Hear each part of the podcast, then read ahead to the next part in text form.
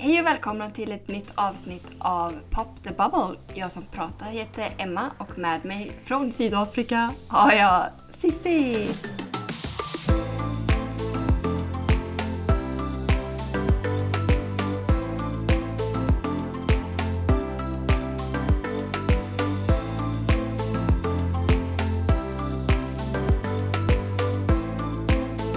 Hur är läget Cissi?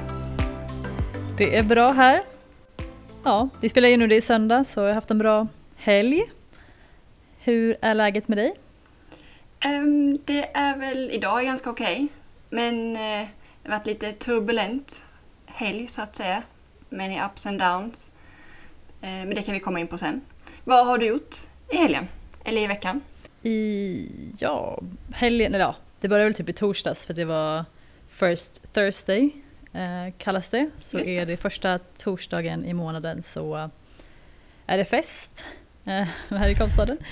Och eh, nu var det första First Thursday som, eh, vi, in, som vi hade curfew förrän eh, ja, klockan eh, 12 på kvällen. Vi har ju haft eh, alltså utegångsförbud. Eh, vi har ju haft det nu hela tiden sedan i mars. Och det var klockan 10 innan och sen nu har vi klockan 12 istället. Så nu har eh, barer och sånt fått öppna på ett helt annat sätt.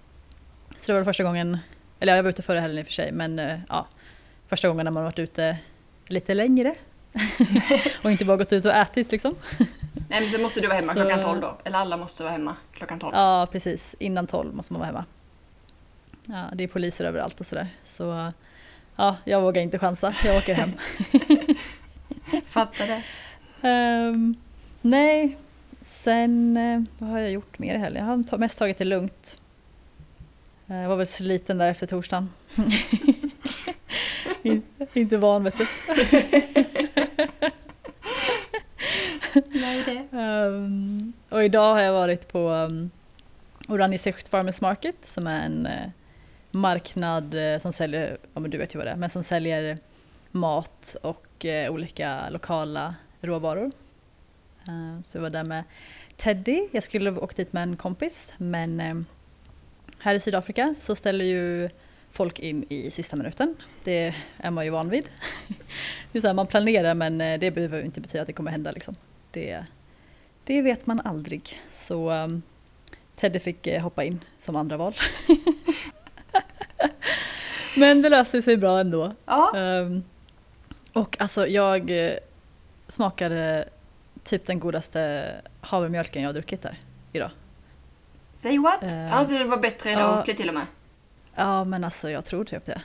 Jag, eh, så jag, vi beställde kaffe från Ja. en, ett kaffestånd där. Och så beställde vi bara med havremjölk, jag visste inte vilken det var eller någonting. Och sen när jag smakade första klunken, jag bara oh my god. Gud, Gud vad gott. Så här, jag, bara, jag, måste gå, jag måste gå tillbaka och fråga vilken mjölk det är. Och så gick jag tillbaka och bara frågade och så visade de mig flaskan, det var så här en glasflaska. Och eh, ja, jag hade aldrig sett det förut. Och så sa hon att hon bara, ja, men jag tror att de säljer här. Och så hittade vi deras eh, ja, men stånd där och började snacka med dem. Och så var de två lokala killar eh, från Woodstock som hade hållit på med ett recept i typ över två år. Försöker få till det perfekta receptet. Och allt är typ så här miljövänligt i så här glasflaskor och man kan man lämnar tillbaka flaskan och så får man fem rand tillbaka och sen återanvänder de flaskorna. Fan, och de använder flaskor från, det är gamla vinflaskor som de använder som de Ah. såklart har, ja men, det, vet du det, gjort rent liksom. Men ordentligt, jag vet precis. inte vad man kallar det. Ehm, och sen använder. Och alltså det var så gott. Jag är Shit, imponerad. Det alltså. kommer bli min nya, kommer bli min nya nu. Ja. Fan vad kul Jag typ det så här. här, ställer typ hundra frågor. Så det bara, eh, alltså, du kanske inte ska ställa så mycket frågor. Jag bara, vadå? Det här är ju helt underbart. Du kan börja Ja, jobba där Cissi. Ja men ja, ja, men du vet jag tänkte väl så jag kanske ska börja jobba med dem. Ja, exakt. Så kommer jag och upp också börja jobba på där. Instagram sen Ja, och taggade dem. Exakt. Eh, Och de bara, åh tack så mycket. Jag bara, support. Vi kan supporting. lätt hjälpa dem. ja. Eh, ja, nej men det. Det var det.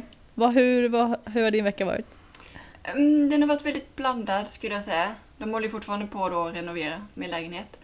Eh, Men just saknaden efter mamma har varit verkligen ja men det har bara gått, nått någon ny höjd nu igen. Och då, alltså det slår ju ut allting annat också. Det gör ju bara det. Och ju mer man försöker få bort det, är väl fel ord, men att man försöker liksom ja, men ta sig igenom det, kan man väl säga det. Men det påverkar ju allt annat i ens vardag också. Um, och då man redan är lite nere så blir allt annat också väldigt, väldigt tungt, skulle jag säga. Mm. Mm. Um, och det är så känsligt liksom att jag är i något stadie nu när allting jag ser påminner om mamma. Jag ser liksom henne i allting. Att ja, men, någon på stan har samma skor som henne. Ja, alltså att allting bara påminner om henne och det, det tar så hårt. Så det sån vecka har jag haft. ehm, du var på kräftskiva igår? Ja, exakt. Det var jag. Och det var, Hur var det då? det var trevligt. Det var supertrevligt. Eh, men sen var det så intressant för att som sagt i första avsnittet så nämner du ju att vi båda äter plant-based. Mm. Och jag skulle säga att jag gör det till 95 procent äter jag det. Just för att jag äter skaldjur. Skulle jag säga. Ehm, och jag tänker vi kan komma in på varför vi började äta plant-based från första början.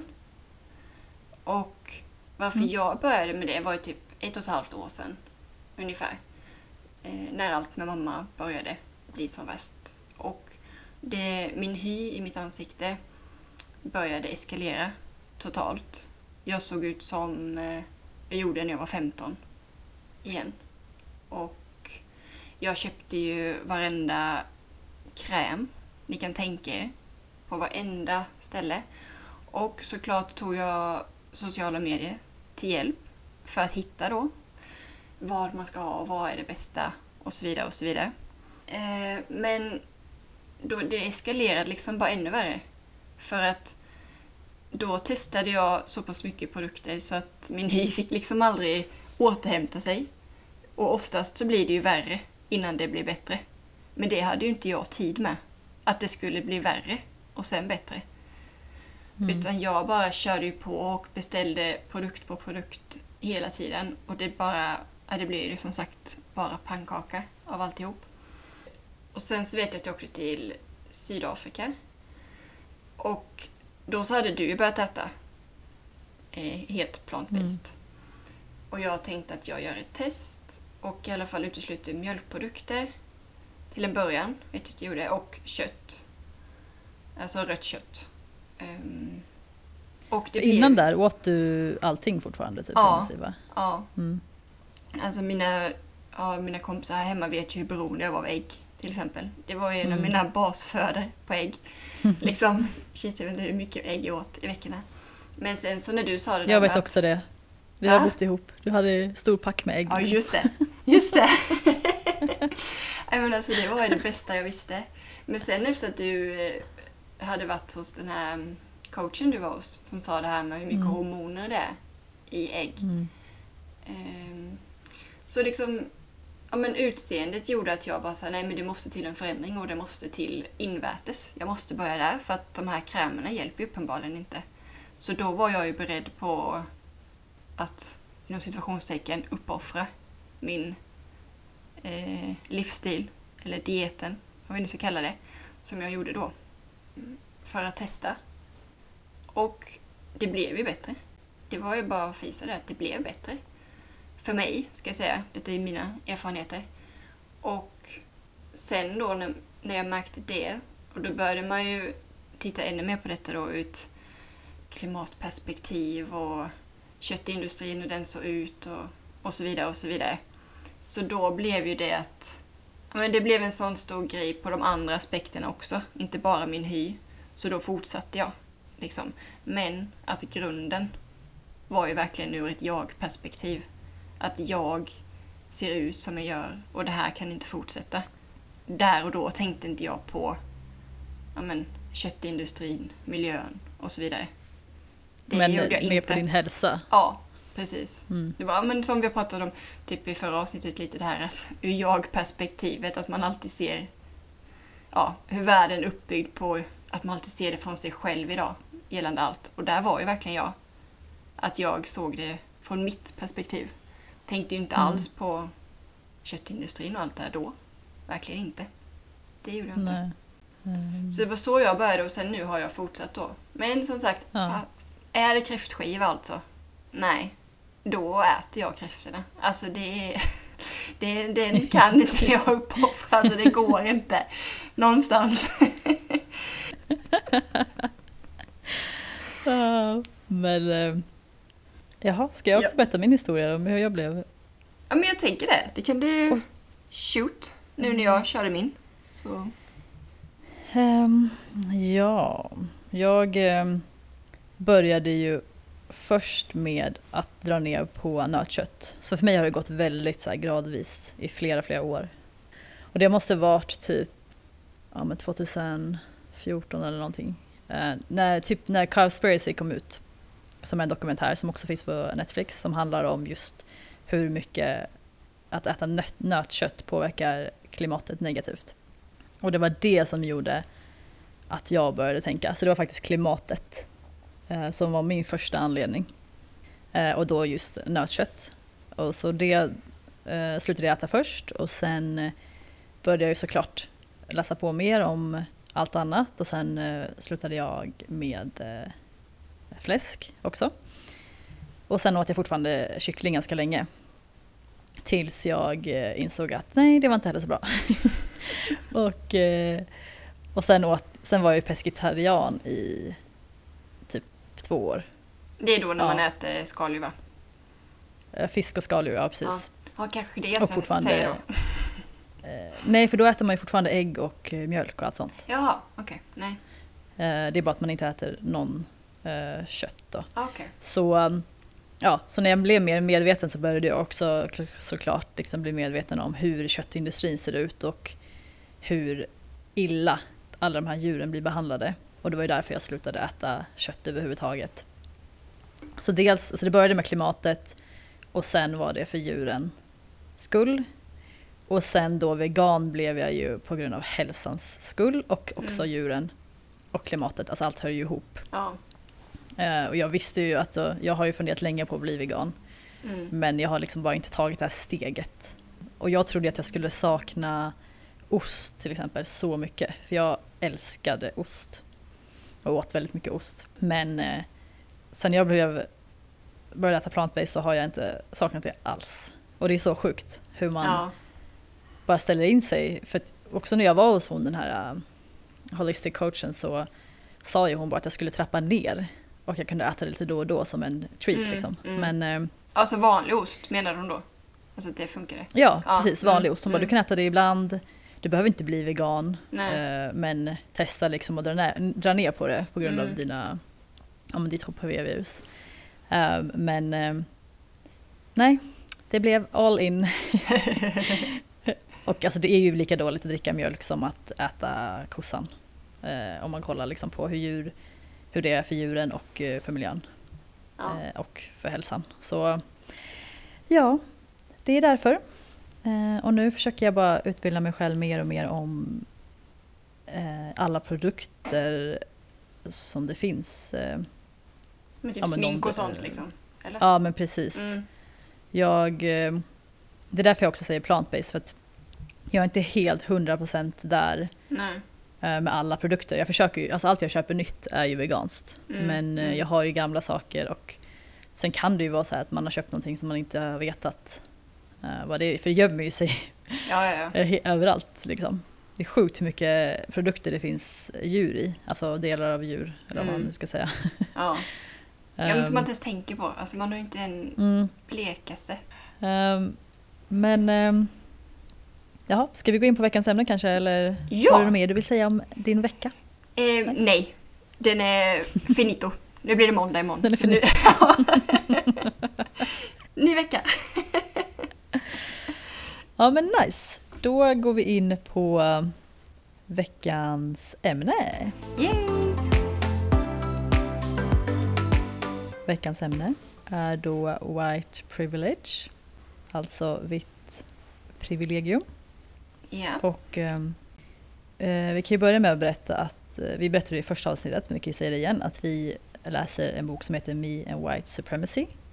Som är en självhjälpsbok eh, som eh, är till för att bekämpa rasism, förändra världen och bli en bra förfäder. Och eh, boken är då skriven av en kvinna som heter Leila Saad. Och det började som en 28 dagars challenge på Instagram. Eh, och sen har hon då gjort en bok av den. Och det är en 28 dagars guide som är riktad mot vita läsare. Eh, som ska hjälpa läsarna att identifiera effekterna av eh, vit privilegium och vit överlägsenhet över deras liv. Och eh, Leila Sado som är eh, författaren, hon är östafrikan, arab, brittisk, svart, muslimsk kvinna som lär ut om antirasism. Hon är författare, talare och har en podcast som heter Good Ancestor där de pratar om ämnen som ras, identitet, ledarskap, personlig och social förändring. Så nu har ni fått lite bakgrund om henne och boken. Och eh, då första kapitlet i boken är just om white privilege. Och eh, vi kan bara säga, börja med att säga att, för vi sa inte det förra avsnittet, att, det, eh, att prata om rasism som eh, vita personer är eh, Eh, obekvämt och kan vara obekvämt att lyssna på just för att man aldrig har behövt eh, prata om det. Eh, och det är också en del av white privilege att inte behöva prata om det. Att inte behöva prata om rasism.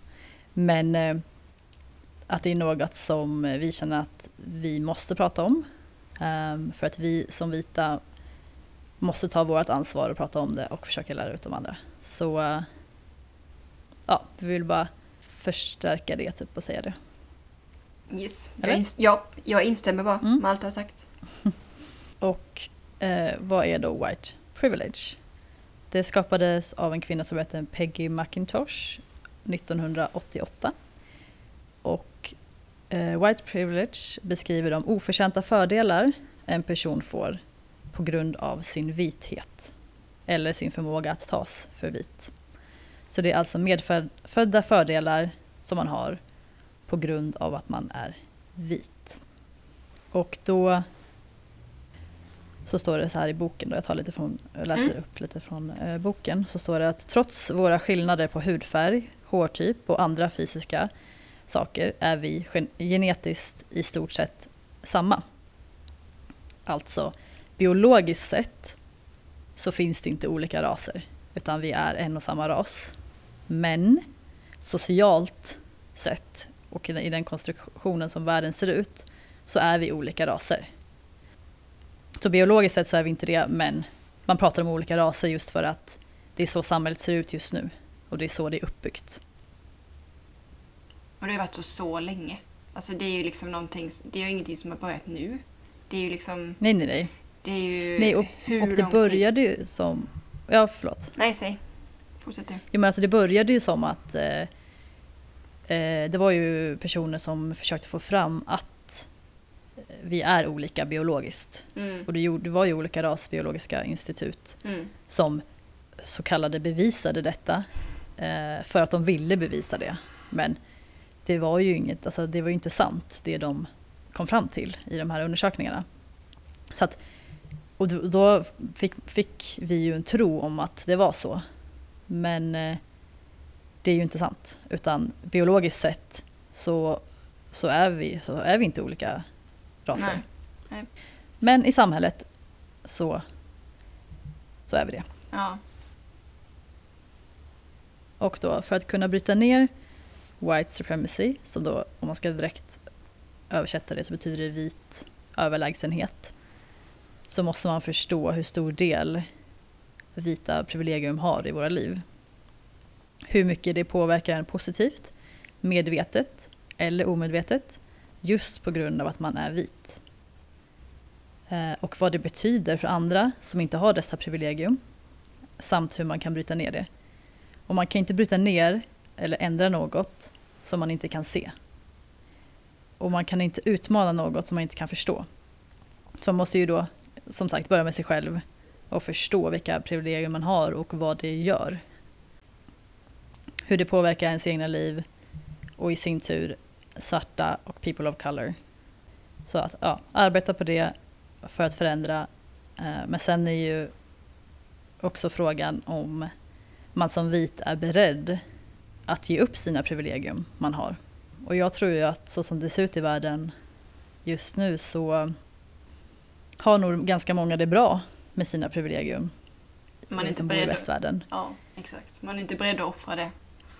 Precis. Och då vill man ju inte heller jobba med sig själv för att man bara, ja men jag har det bra. Så. Och eh, ja, men inte beredd att jobba på det för att andra ska få det. Man är inte, man är inte beredd att uppoffra sina egna privilegium för en annan person. Nej. Och då inte en svart person eller en person of color. Eh, det var väl det på förklaringen. Har du någonting att... Nej, du sa det så, nej, du sa det så jäkla bra. Igen. Så... Det är från boken. ja, då i... eh, så det här liksom, först, så i boken ser det ut så här att först så beskriver hon, så i första kapitlet så beskriver hon vad, vad är white privilege. Ganska kortfattat, det är inte så mycket att Mm. läsa. Men sen i slutet på varje kapitel så är det flera frågor som man ska svara på. För liksom att man ska jobba med sig själv, för det är det som är hela idén med boken. Och då den första frågan är eh, På vilka sätt har du white privilege i ditt dagliga liv? Gör en lista på hur du har vita privilegium i ditt personliga liv.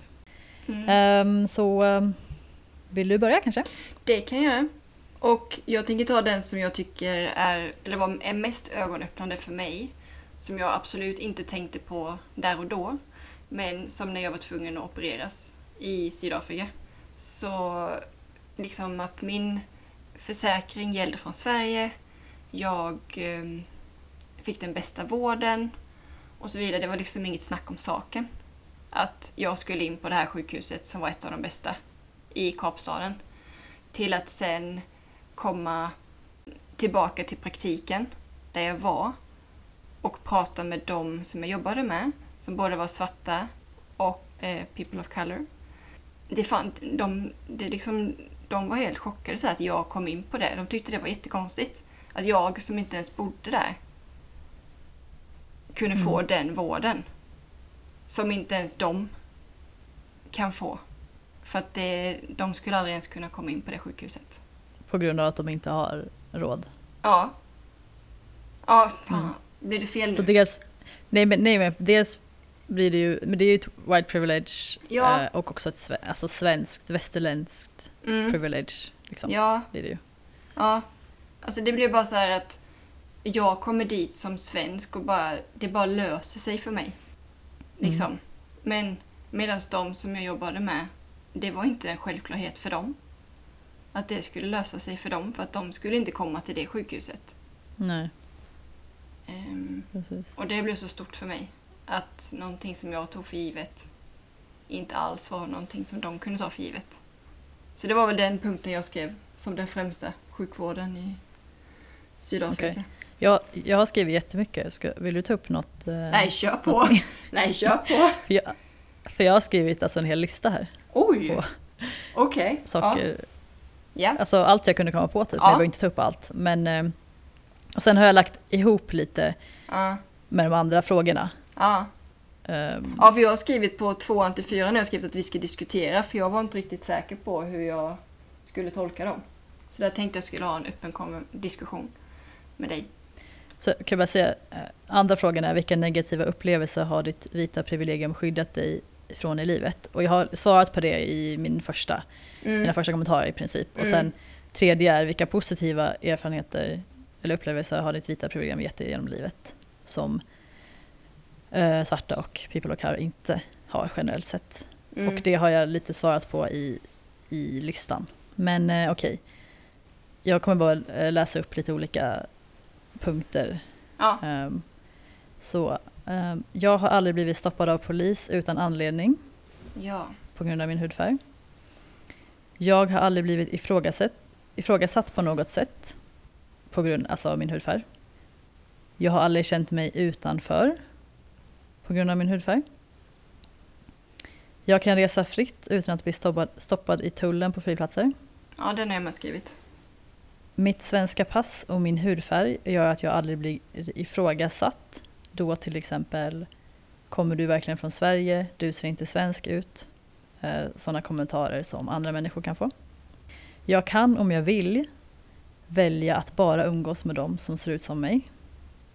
Eh, Och den här, nästa är, jag har sällan varit den enda vita i olika sammanhang. Och det alltså betyder att jag känner mig inkluderad. Mm. Och det var väl inte förrän här i Sydafrika som jag någonsin har varit den enda vita i eh, olika sammanhang. Och jag tror att det är väldigt viktigt att man eh, som vit får känna hur det känns, för man kan nog inte riktigt förstå. Eh, för i Sverige ser det ju ut så överallt, att det är en svart eller en people of color eh, kanske på ett jobb. Och den liksom är en själva hela tiden och får representera alla svarta personer eller people of color på sitt jobb. Och eh, eh, första gången som jag typ kände av det eh, här var när jag var eh, hos Teddys syster. Vi var, det var, ja men det var en, efter Teddys pappa hade gått bort så var det begravning. Och eh, det var liksom hela, ja men det var massa olika folk, släktingar och sånt. Och då var ju alla svarta där, förutom jag. Och man känner sig, eller jag känner mig lite malplacerad vad man ska säga. Eh, typ som att, okej men jag kände ju att jag inte var som alla andra. För att jag var Mm. vit. Mm. Och då bara på grund av min hudfärg. Det är inte så att någon behandlade mig annorlunda eller så, absolut inte. Men man, jag märkte, jag, jag noterade det och tänkte oj, jag är den enda vita här. Liksom. Och det blir ett, ett slags utanförskap, vare sig man vill det eller inte. Men och skillnaden här är att jag är ju vit och jag utsätts inte för rasism i mitt liv. Så då kan jag ju bara föreställa mig hur det är för en svart eller person of color som är själv i vita sammanhang där rasism finns. Ja. För den personen har det ju så mycket värre än, än jag som för första gången får känna mig utanför. För att jag alltid har passat in. Ja. Men det ger i alla fall en, en mer eh, förståelse och man kan analysera på ett annat sätt. När man i alla fall har inte känt sig som den som passar in eller vad man nu ska säga. Nej men Eh, och men nu, men nu händer ju det hela tiden. Alltså jag är ju eh, Teddys kompisar, Teddys familj. Jag är ju ofta den enda vita. Ja. Det stör ju inte mig eller någonting så. Eh, men ehm, och nu tänker jag knappt på det. Om vi är ute och käkar middag liksom, eller typ sådana saker. Eh, när vi var ute för ja, men förra helgen när jag var ute på Yours Truly så var jag den enda vita på hela Yours Truly. Ehm, ja. och jag var ute med två svarta sydafrikan- sydafrikanska tjejer och en indisk sydafrikansk tjej. Eh, och då bara kollade jag upp liksom, och bara, ah, jäklar, ja, jag är den enda vita här. Men sen var det så här, okej. Sen tänkte jag inte mer på det. Nej, för att jag, de nej. behandlar inte mig annorlunda för att jag är vit. nej men precis, men när liksom, du det, säger... blir, det är ju ingen diskriminering eller så. Nej. Nej men det kommer jag också ihåg som när jag var på eh, en av praktikplatserna där nere. Då var jag också den enda vita, alltså i vårt lilla gäng som vi var på lunchrasterna. Jag tänkte inte på det så och jag får inte illa av det där och då. Men Mm. då kan man bara tänka sig från andra perspektivet med rasism Precis. syn, synvinkeln. Hur det känns. Liksom. Precis. Och eh, i Sverige tror jag att det är få, få vita svenskar som har varit den enda vita i olika sammanhang. Ja, det tror jag också. Det, det är inte så det ser ut på arbetsplatser eller skolor och så. Nej, I, i, mestadels i Sverige. Nej visst är det så. Ehm, men i alla fall, jag ska fortsätta här. Mm. Ehm, jag kan handla i butik utan att bli förföljd av någon. Jag kan få boende utan att någon ifrågasätter mitt ursprung, namn, ekonomi och så vidare. Jag får lättare jobb och blir kallad till intervjuer på grund av mitt namn och eventuellt hudfärg. Jag kan få sjukvård utan att bli behandlad annorlunda slash bli ifrågasatt på grund av min hudfärg. Jag kan lära mig om rasism och inte utsättas för den. Jag har lärt mig att världen har upptäckts av vita människor som är inom situationstecken hjältar. Om jag sätter på en serie, läser en tidning eller kollar sociala medier ser de flesta ut som mig. Hos frisören kan i princip vilken person som helst hjälpa mig. Jag har aldrig haft problem med att hitta smink eller andra produkter till min kropp. Jag lärde mig inte om rasism, white privilege etc. när jag växte upp, som jag kommer ihåg. Ingen har någonsin sagt till mig att jag kommer ha det svårare i livet på grund av att jag är vit. Alltså på grund av min hudfärg. Ja. Nej, Jag, jag, kommer in på alla restauranger, klubbar utan några problem. är väl mm. en, en till. jag är typ mållös Um. med din lista. Det är mycket du kom på. Ja, Och det är hur bra som helst. Alltså för att och det finns ju så det- mycket mer. Ja, såklart. såklart. Och det säger så mycket om, om att jag inte kom på det. Liksom att jag inte, att, alltså vilken ögonöppnare för mig. Och bara så här, Mm. se alla dessa perspektiv som du radar upp nu. Och det säger så mycket om vad alla har, eller alla, men jag har att lära. Mm. Verkligen. Eh, och så har jag också skrivit att jag kommer lättare undan med saker som jag gör fel på grund av att jag är vit. Alltså att polisen eller vilken person den är kan lättare acceptera att jag gör något fel än en svart person of color. Mm. Som tyvärr är sanningen. Ja, Och också, ingen i Sverige frågar någonsin vart jag kommer ifrån eller om jag kan svenska. nej. Hade jag dock varit eh, svart eller a person of color så hade nog den frågan kommit en del. Och det är också intressant för att jag är ju andra generationens invandrare till Sverige. Mm. Men bara för att jag är blond och blåögd så är det aldrig någon som frågar mig, ifrågasätter om jag är svensk. Nej, nej det, är, det är skrämmande alltså. Och sen har jag ju också tagit det här ett steg längre. Shoot. Ehm, och då, alltså att prata om att också white privilege är att kunna strunta i att kolla på nyheterna och ändå ha ett bra liv. För man behöver inte sätta sig in i det som händer. För det kommer inte påverka mig. Så jag kan om jag vill strunta i att jobba med mig själv. Jag kan strunta i att göra det här jobbet. Och det är ju också ett white privilege. Att Mm. kunna. Och också att kunna strunta i att bry sig om klimatet. Trots att man som vit är den som påverkar klimatet mest negativt. Och det, och det i sin tur påverkar andra icke-vita människor negativt. Mm. Alltså andra delar av världen. Mm. Och det är också ja, men ett white privilege. För att det är vi i västvärlden som såklart att det finns svarta och people of color också i västvärlden. Men ja, det är vi som förstör naturen eller klimatet mest. Och det är de i de andra delarna av världen där det är mest svarta och people of color som får ta skiten. Och jag som vit då kan bara strunta i att ens bry mig. Eh, och sen eh, om man ska prata om white privilege och spiritualitet. Mm. Och där eh, är ju white privilege att kunna säga att man är spirituellt medveten och att säga till exempel att allt som händer dig i livet är bara på grund av dig och på så sätt lägga skulden på den som är utsatt. Hur, Och då- hur menar du då? Nu förstod inte jag. Ja men till exempel att allt i livet, allt som händer i livet är, händer på grund av vad du gör i ditt liv. Och det är bara du som kan ändra hur ditt liv ser ut Mm. till exempel. Mm. Men att då säga det till en svart person eller en person of color att nu är du Mm. utsatt, utsatt för rasism och det är ditt fel. Nej men alltså. Mm.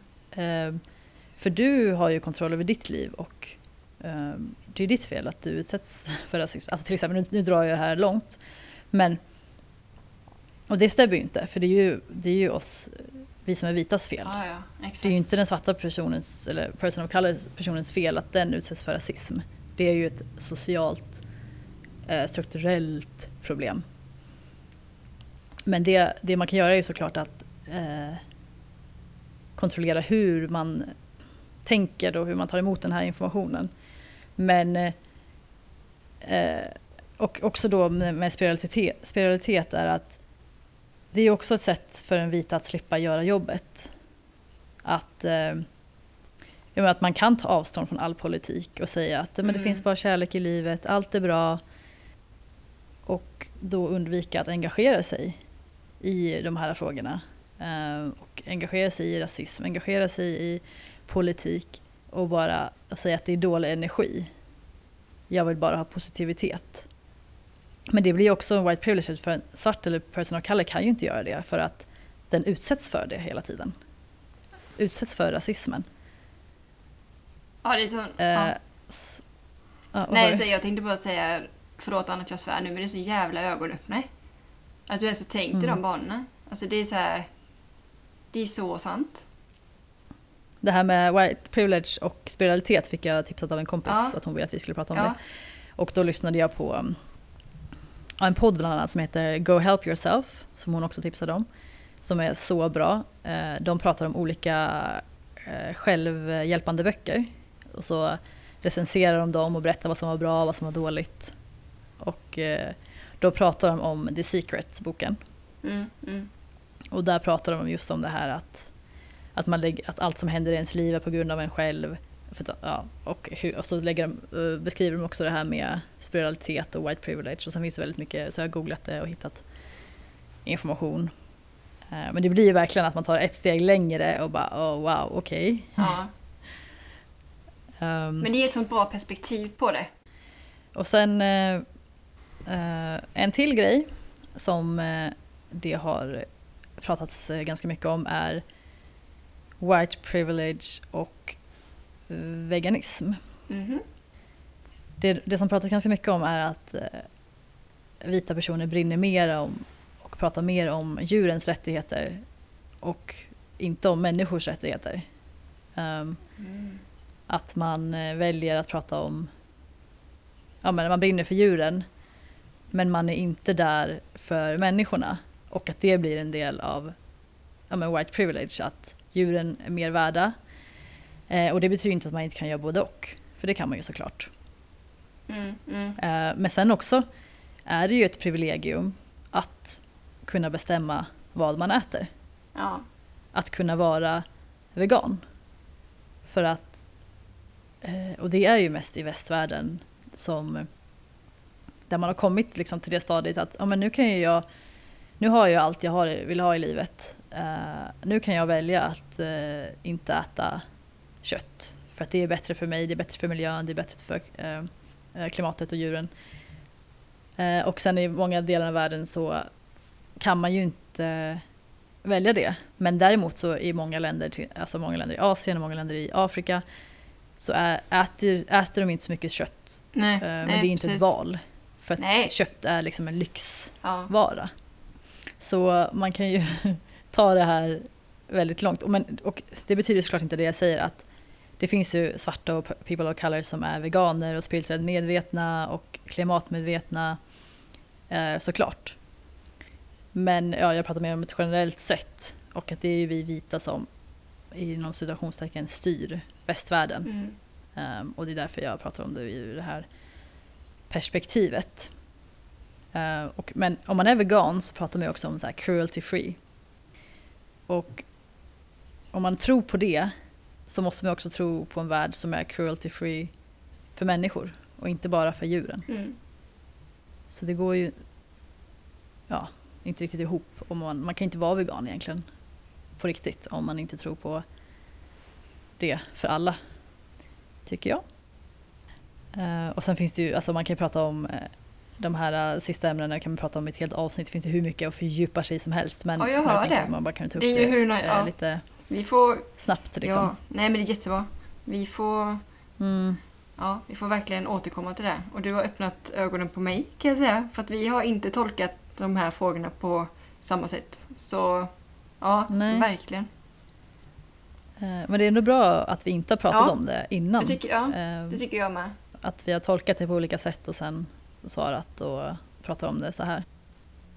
Så okej, men ska vi bara ta de här andra frågorna lite eh, snabbt. Så an, eh, nummer två var ju vilka negativa upplevelser har ditt vita privilegium skyddat, skyddat dig från i livet? Eh, och det har vi ju eh, svarat på. Jag har bara sagt se ovan alltså mina frågor. Mm. Jag har sluppit med alla negativa upplevelser som jag har beskrivit och garanterat fler. Jag har blivit skyddat på ett sätt att jag aldrig har behövt tänka på min hudfärg och aldrig blivit diskriminerad på grund av den. Aldrig behövt tänka på rasism på så sätt. Och sen eh, ja, nummer tre var ju vilka positiva upplevelser har ditt vita program gett dig genom livet? Eh, och det har jag också sagt till listan att jag alltid har känt mig inkluderad, aldrig behövt känna mig mindre värd eller annorlunda på grund av min hudfärg. Jag har alltid passat in var jag än har befunnit mig.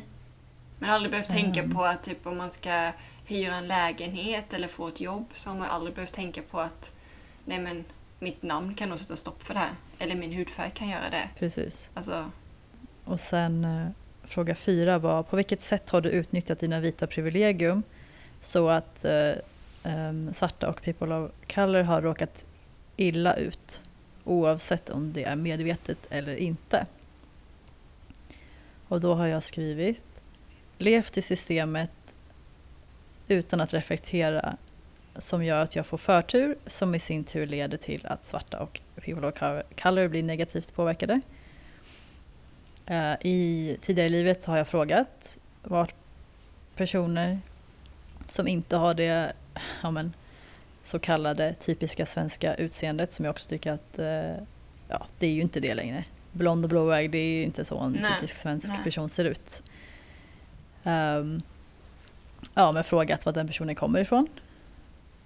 Uh, för att jag har varit nyfiken. Men, uh, um, och då genom att göra det så tar man ju liksom makten och utgår från att, ja, men att jag typ är den typiska svenska ja, men privilegium och den andra personen är inte det. På, på så sätt. Uh, haft fördomar och inte inkluderat svarta och eh, people of color som jag borde ha gjort. Inte ifrågasatt på arbetsplatser varför det inte finns fler svarta och people of color. ja, jag har med skrivit fördomar som man har haft och även på arbetsplatser som vi har tagit upp på vår Instagram. Ehm, att man Mm. inte ifrågasätter utan det har bara blivit någonting som har ja, men som du beskrev, alltså typ följt med strömmen. Man har liksom inte ens ehm, tänkt på det på det viset utan det har bara blivit en norm, situationstecken. Alltså att det, Mm. det är bara så. Eller hur man ska förklara det. Det har alltid varit så. Då är det Precis. så. Den här läskiga inställningen som hela systemet är uppbyggt på. Mm. Precis. Och sen nummer fem då. Vad har du lärt dig om dina vita privilegium som gör dig obekväm? Har du skrivit något där? Just den här eh, ja, men fördomarna. Mm. Att man... eh, Ja, men, återigen hur man pratar om saker, alltså förr i tiden då, och hur det blir en sanning. Och sen den, hur den sanningen... Man ser liksom inte utanför den sanningen någon gång. Även om man flyttar eller byter jobb eller så vidare. Utan att det bara är där. Den fortsätter liksom. Och följa med en. Det tycker Mm. jag är läskigt. Det gör mig riktigt obekväm att man så pass länge var i den och var typ inte beredd på att ändra den. Mm. Precis, jag har också sagt det att aldrig riktigt reflekterad över att jag är mer privilegierad än andra människor. Mm. eh, vilket ju är sjukt. Eh, för att man har typ ja, men sovit och inte sett hur världen Mm, egentligen ser mm. ut. Ehm, och att jag inte har varit inkluderande. Och att jag har lärt mig att vita är bättre eh, synsätt när jag har växt upp. Att Mm. människor, människor från Europa är smartare än eh, människor från Afrika till exempel. Eh, Det är ju något man har lärt sig när man har växt upp. Och eh, att den vita människan är, är hjälten som hjälper människor. Eh, Att vi ska rädda eh, folk och länder i Afrika att vi, och i Asien. Och att liksom vi som vita vet mer. Vi vet bäst. Ehm, och, typ, och att det är något man har trott på i sitt undermedvetna. Ja, som man aldrig liksom har reflekterat över. Jag har inte gått runt och tyckt att jag som vit är bättre än en eh, svart person eller en person of color. Men från att vi är barn så lär vi oss Ja. det. I skolan. Alltså allt lär oss det. Mm. Så att det finns i vårt undermedvetna är ju inte konstigt. Det är bara att vi måste inse det att, och att, äh, att jobba med det. Och det finns ju en, en term för det som heter whitewashed history. Att allt vi lär oss är liksom whitewashed. Det är bara ur ett vitt, vitt perspektiv, att vi ska se så bra ut som möjligt. Ja. Och det är den historien vi har lärt oss i skolan. Ja, gud jag ser man tillbaka på historielektionerna. Herregud, Mm. visst var det så? Alltså lektionerna där, det var ju verkligen som du sa med vitheten att den svenska, eller de vita européerna har ju format världen typ och varit hyllade världen över. Och som vi sen får lära oss liksom. Men på vems bekostnad Precis. så att säga. Så det är ju ett ehm, tungt Ja, ämne. det är verkligen, men- ja, det är verkligen jättetungt att prata om för det blir så... Alltså det är bara så pass viktigt och det blir sån ögonöppnare som sagt så man blir så här... Det är obekvämt inom citationstecken men så pass viktigt men när man blir obekväm i sig själv, förstår du? Alltså i, inombords blir man obekväm på hur det är by- uppbyggt. Mm. Och ju mer man lär sig om det så blir man bara mer och mer obekväm. För det, det sätter sig liksom i en och man blir så berörd. Kan man säga så? Alltså att man bara Mm. så här... Det är så... Folk måste liksom se detta. Hur det ser ut. Mm. Ja, och vi måste ju bara inse att vi som vita måste göra det här jobbet för att det ska bli någon skillnad. Eh, Och ja, men, jag kan liksom inte läsa upp de här privilegierna och tänka att det här är rätt. Att ja, men det är, jag är ju berättigad i det här mer än en, en person med en annan hudfärg. Det, eh, det liksom finns inte i min värld. Nej. Men det är så det ser ut Ja. just nu. Mm. Och det är därför också det är så viktigt att prata om. Och så viktigt att arbeta med, eh, med sig själv. Verkligen. Eh, och det är därför vi också ja, men har startat den här podden. Ja. Och, Men sen har jag också börjat lyssna på en annan podd som jag måste tipsa om. Som heter Kan vi prata om vithet? Ehm, Den är också riktigt bra. Den tar också upp detta ämnet. det är mycket bra. Jag har lyssnat på några avsnitt. Mm. Eh, väldigt bra eh, fakta Ja, i den. verkligen. Så ehm, ska vi eh, avsluta för idag kanske? Ja, vi rundar väl av där. Eh, Men vi kanske ska ehm, passa på att säga att eh, om ni vill följa oss på Instagram så heter vi at popthebubble podcast. Och där lägger vi upp ja, men viktiga ämnen och eh, det vi brinner för. Och eh, om ni gillar avsnittet får ni gärna skriva en kommentar eller dela. Ja, Eh, och följ oss gärna. exakt. Ge oss gärna feedback. Det är Ja. gött. Men du får ha det så bra Cissi i Afrika. Så hörs vi nästa vecka. Detsamma, det gör vi. Hej då! Hej då, ha det bra! Tack för att ni har lyssnat. Just det, tack tack!